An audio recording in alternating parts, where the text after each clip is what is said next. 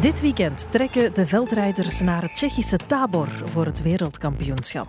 Hup Holland Hup, want Fan van Empel en Mathieu van der Poel staan als topfavorieten aan de start. Om ervoor te zorgen dat ze een jaar langer in die regenboogtrui mogen rondrijden. Gisteren in Hogerheide bevestigden ze beiden nog maar eens die goede vorm. Maar vanaf nu, in die week van het WK, gaat Mathieu op zoek naar supercompensatie. En dan heeft hij het voor alle duidelijkheid niet over zijn inkomen. Welkom bij Sportza Daily. Gisteren liet Mathieu van der Poel na zijn overwinning opmaken dat hij nu in supercompensatie gaat. Ja, iedereen uh, doet natuurlijk een beetje zijn eigen ding. Ik ben uh, waarschijnlijk ook niet de enige die niet met de frisse benen aan de start zat uh, dit weekend. Tijdens altijd zo de week van een kampioenschap proberen toch een beetje naar die supercompensatie toe te werken. De focus ligt sowieso op kortere trainingen, rusten en ja, vooral friszetten op doel richting Tabor. Dat klinkt eenvoudig en aangenaam, maar wat is het juist? Mijn twee sprekers van dienst zijn Jan Bourgeois. Ik eh, ben professor inspannings- en omgevingsfysiologie aan de Universiteit Gent en hou me bezig met sportfysiologie en klinische inspanningsfysiologie. En Sven Nijs. Laatste bocht naar links. Daar komt hij op het asfalt. Sven Nijs gaat wereldkampioen worden. Sven Nijs is los en gaat nu al het publiek groeten. Sven Nijs is wereldkampioen voor de tweede keer in zijn carrière. Wat is hij blij? En hij klopt op zijn stuur. Wat is er mooier dan goud? Wat is er mooier dan een regenboogtrui? En wat zal dit verschrikkelijk veel deugd doen voor Sven Nijs en voor al die supporters die het hem gunnen. Iedereen, denk ik. Beginnen bij het begin. Wat is supercompensatie? Dat is eigenlijk, we noemen dat in de trainingsleer, het principe van een optimale wisselwerking tussen belasting en herstel. Namelijk, het is heel belangrijk, je gaat iemand belasten op verschillende keren over een bepaalde termijn. Bijvoorbeeld, je gaat drie, vier maal trainen per week en je gaat dat gedurende acht weken gaan doen. Dan is het best in elke training te plaatsen op het moment van supercompensatie. We moeten daarin een aantal fasen gaan onderscheiden. De eerste fase is dat je tijdens de training ga je energie verbruiken. Dus je krijgt een verhoging van het energieverbruik, wat aanleiding heeft tot vermoeidheid. Dat is logisch, na een training voelt je toch wel iets of wat vermoeid. Maar al naar gelang de duur en de intensiteit van de inspanning is er een tijdelijke daling in het prestatievermogen. Veronderstel dat je achter je training, na je training, onmiddellijk terug een prestatie wil gaan leveren, dan zal er nog vermoeidheid in de benen zitten van die eerste training. Met als gevolg dat je niet optimaal kunt presteren. Maar wat zien we eigenlijk? Op het ogenblik dat die vermoeidheid is ingetreden, de training is afgelopen, dus na het beëindigen van de training treedt er een herstelfase op, waardoor dat prestatieniveau gaat uh, stijgen tot dat beginniveau. Dat is eigenlijk die tweede fase. Maar er gebeurt meer. Indien dat, dat herstel lang genoeg duurt, zal er effectief een verdere tijdelijke toename zijn van dat prestatieniveau. En in dat geval spreekt men van supercompensatie. Maar supercompensatie is een, is een traject eh, van lange adem. Hè. Dat, dat, dat, daar gaat een heel eh, traject aan vooraf. Wat, wil zeggen dat er heel intensief getraind wordt uh, met een beperkt herstel. En dat hebben we ook de afgelopen weken bij Mathieu vaak gezien. Hij heeft zelfs um, de ochtend eh, van de wedstrijd in Benidorm bijvoorbeeld uh, nog, nog, nog kilometers gemaakt. Dus hij gaat eigenlijk niet helemaal fris naar die wedstrijden toe. Um, heeft heel veel arbeid erin gestoken om proberen van, van een hoger niveau aan te meten. Maar het, het extra hoge niveau gaat er pas komen nadat je na al die intensiteit daar herstel tegenover zet. En daar heb je een window, een, een, een frame waar je lichaam uh, herstelt en op een bepaald moment zichzelf een hoger niveau aanmeet. En dat houdt ook maar een bepaalde periode aan. Als je daar dan niets mee doet en opnieuw terug gaat beginnen trainen of probeert een prestatie te leveren, dan zakt dat niveau terug weg. Dat is natuurlijk op papier en dat is ook individueel voor iedereen een klein beetje anders. Dat heeft ook te maken met voeding, dat heeft te maken met ja, hoe je, hoe je als, als renner of als atleet daar ook op reageert. Maar dat is het principe. Dus uh, trainen met te weinig herstel, dus je lichaam eigenlijk heel hard vermoeien. En ik denk, en, en dat is ook het uitzonderlijke aan het hele verhaal, is dat we de meest vermoeide Mathieu van der Poel dit weekend hebben gezien. Maar het uitzonderlijke aan heel dat verhaal is dat hij alsnog die wedstrijd kan winnen. Met een heel vermoeid gevoel. Um, want ik denk dat al die andere renners zich dat vandaag niet kunnen permitteren ten opzichte van een Mathieu van der Poel. Dan spreek ik niet over Van Aert of, of, of Tom Pitcock, maar al de rest die gisteren aan de start stonden.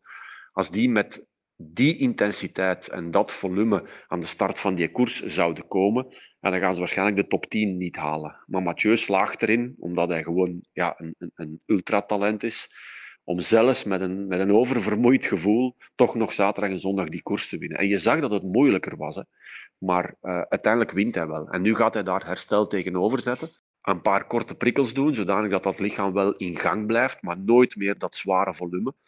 In balans met de juiste voeding. En dan zou hij in principe straks in Tabor zondag um, een trapje hoger moeten staan. En dat is supercompensatie. Kan je zoiets eigenlijk wel timen? Als het simpel was, dan zou iedereen het toepassen. Um, en, en, en, dan zou iedereen ook uh, op papier kunnen uitvoeren wat daar wetenschappelijk wordt, wordt bewezen. Maar zo simpel is het inderdaad niet. En, en daar zijn ook prestaties die daaraan vooraf gaan. En de belangrijkheid van die prestaties, ik kan me voorstellen, Elisabeth, die wil absoluut niet die wereldbeker nog verliezen. Dus die, die moet ook opletten dat hij niet te ver gaat in het, uh, de trainingsload in de dagen vooraf om goed te zijn een week later. Want dat zou eens kunnen dat hij daardoor de wereldbeker verliest, bijvoorbeeld. En zo zijn er heel veel verhalen. Dus elk, elke renner is met, met zijn eigen scenario bezig. En iedereen probeert wel optimaal aan de start te komen. Uh, maar je hebt met uh, talenten te maken, je hebt met, met bepaalde niveaus te maken en je gaat daar voor jezelf de ideale weg proberen in te bewandelen. Het is, het is niet zomaar wat op papier staat gaan we uitvoeren, dat zal dan wel werken. Zo simpel is het niet. En dan kom je natuurlijk uit bij eventuele valkuilen, want dat plannetje dat kan ook nog altijd mislopen. Heel veel mensen trainen heel hard, atleten trainen heel hard, trainen heel zwaar en komen tot de constatatie op de dag dat moet gebeuren, dat ze effectief niet goed presteren. En vaak is dat omdat ze in de dagen, de week vooraf, te zwaar hebben getraind. En dat er nog fysieke vermoeidheid, mentale vermoeidheid aanwezig is. En dat is het effect van taperen. Het taperen heeft als doelstelling conditie onderhouden in die week. Dat is eenmalig, een week lang conditie onderhouden, maar de fysieke en de mentale vermoeidheid van training laten weg hebben. En het verhaal van de supercompensatie in het weekend vooraf is eigenlijk heel belangrijk met betrekking tot effectief een meerwaarde creëren in uw taper, waardoor dat je optimaal kunt gaan presteren. De valkuilen zijn dat je in, de, in het traject daarvoor zo ver bent doorgedrumd in je, in uw intensiteit dat je een overtraining krijgt dat je lichaam veel meer tijd zal nodig hebben om daarvan te herstellen. En dat kan soms, als je in de extreme gevallen, maanden duren, overtraining. Geen fitne meer, geen zin meer om, om, om, uh, om uiteindelijk dan uh, daarmee aan de slag te gaan. Dus uh, een beperkt, te, te, weinig herstel.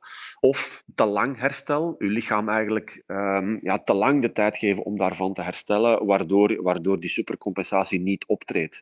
Um, het is ook echt een, een, een voedingstabel wat je zal moeten volgen. Hè. Als hij straks aan de start komt van die wedstrijd, dat moet van de eerste stamp raak zijn.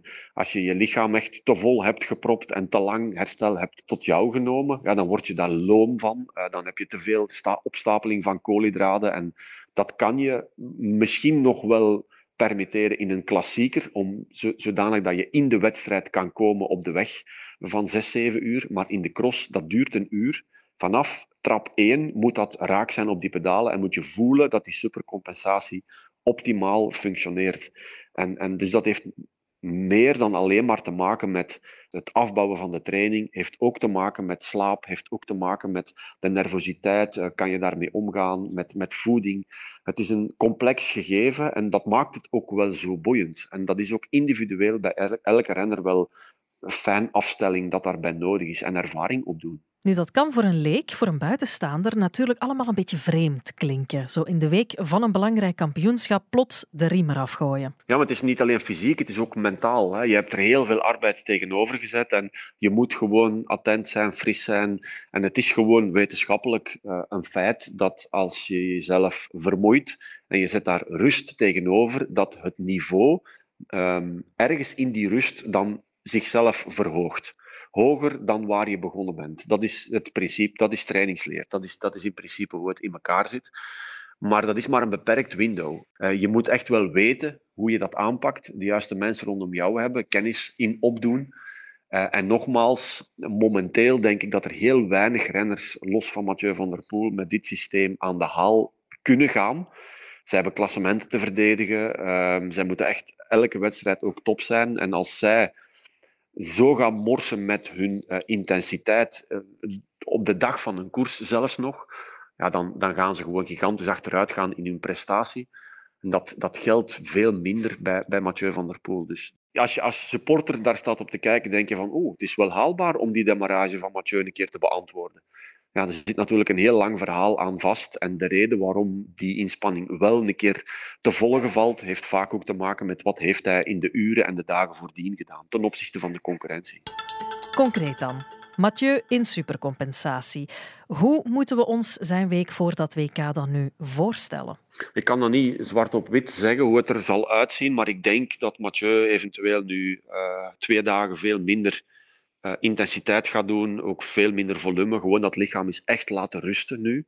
Uh, ik denk dat gisteren echt de, de laatste dag was van zijn uh, zware intensieve periode.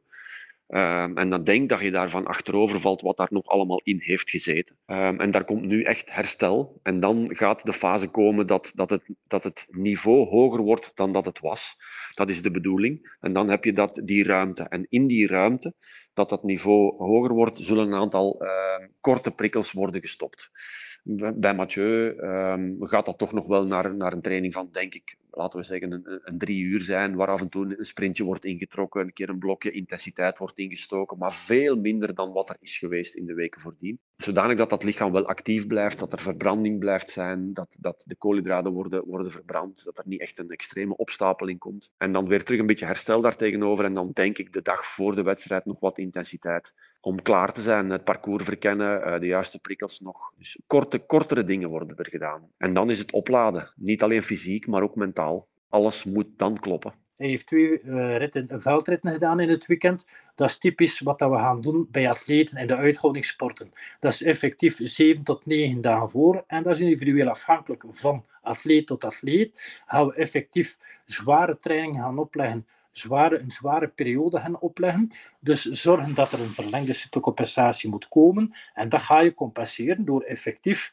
af te bouwen, zeer snel af te bouwen. Zelfs 40, 60 procent van je volume, van de hoeveelheid training ga je afbouwen, maar je gaat wel intensiteit moeten bewaren. Doe je dat niet, dan zit je met het probleem, als je die intensiteit ook niet bewaart, dat je effectief je trainingseffecten dan verliest. En dat willen we niet. Een week taperen is noodzakelijk. En ik denk wel dat hij inderdaad, op het moment dat hij er zal moeten staan, dat is Tabor, dat hij er zal staan. Als het allemaal volgens plan loopt, krijgen we zondag dus een Mathieu in absolute topvorm te zien. Valt daar dan nog iets tegen te beginnen? um, ik, ik denk dat het um, uiteraard moet je met, met de nodige ambitie daar naartoe gaan, maar het zou zo maar eens kunnen dat Mathieu van der Poel absoluut niet lang gaat wachten en heel snel zijn duivels gaat ontbinden. Um, en als je daar probeert mee mee te gaan, kan het ook zijn dat je niet meer in aanmerking komt om het podium nog te halen. Dus je zal zelf voor je eigen heel goed moeten aanvoelen in hoever wil ik meegaan in die inspanning die Mathieu op tafel legt. Kan ik daar een stukje van profiteren? Als ik hem dan op een bepaald moment moet loslaten, kom ik dan in het eilen terecht, waardoor ik zelf tempo moet gaan maken en daarachter een groep wordt gevormd die dan uiteindelijk mij zullen terug gaan inhalen. Dus het is heel goed nadenken. Uh, uiteraard moet je zelf een hele goede dag hebben. Maar uh, het is gevaarlijk om te proberen te lang te volgen. En, en uh, gisteren kon dat, en dat was ook wel wat wij dachten, om bepaalde momenten toch te proberen. En dat was bijna gelukt bij Thibaut. Ik denk dat dat ook de reden was waarom hij teleurgesteld was. Bij de tweede inspanning zat hij net iets te ver om, om uiteindelijk iets langer te volgen. Uh, maar volgende week gaat dat nog moeilijker zijn. En, en, daar moet je echt je koers voor jezelf gaan afstemmen. Um, en vooral met jezelf bezig zijn en niet te veel met de inspanning van Mathieu van der Poel. Met andere woorden, wie wordt zondag vice-wereldkampioen? Maar in principe uh, gaat hij er echt met kop en schouder bovenuit steken. Uh, uiteraard, want dan ga je uiteraard weer de kritiek krijgen van ze zijn al verloren voor ze gestart zijn. Nee, maar je moet de lat voor de jongens wel op de juiste hoogte leggen en realistisch blijven. En uiteraard gaan we het hem zo moeilijk mogelijk maken. maar als uh, een van onze jongens binnen de ploeg tweede of derde kan worden, zouden wij ook met een heel tevreden gevoel naar huis gaan. Omdat we gewoon heel goed kunnen inschatten wat op dit moment haalbaar is voor onze gasten. Het enige wat dat voor mij hem kan uh, afhouden van een wereldtitel, dat is, uh, ik moet dat eerlijk zeggen, dat is een valpartij of zo. Dat heb je nooit in de hand. We gaan niet uit van een valpartij, maar hopen vooral dat iedereen dit weekend in zijn beste vorm aan de start staat. Op dat WK veldrijden in Tabor. Graag tot morgen voor een nieuwe Sporta Daily.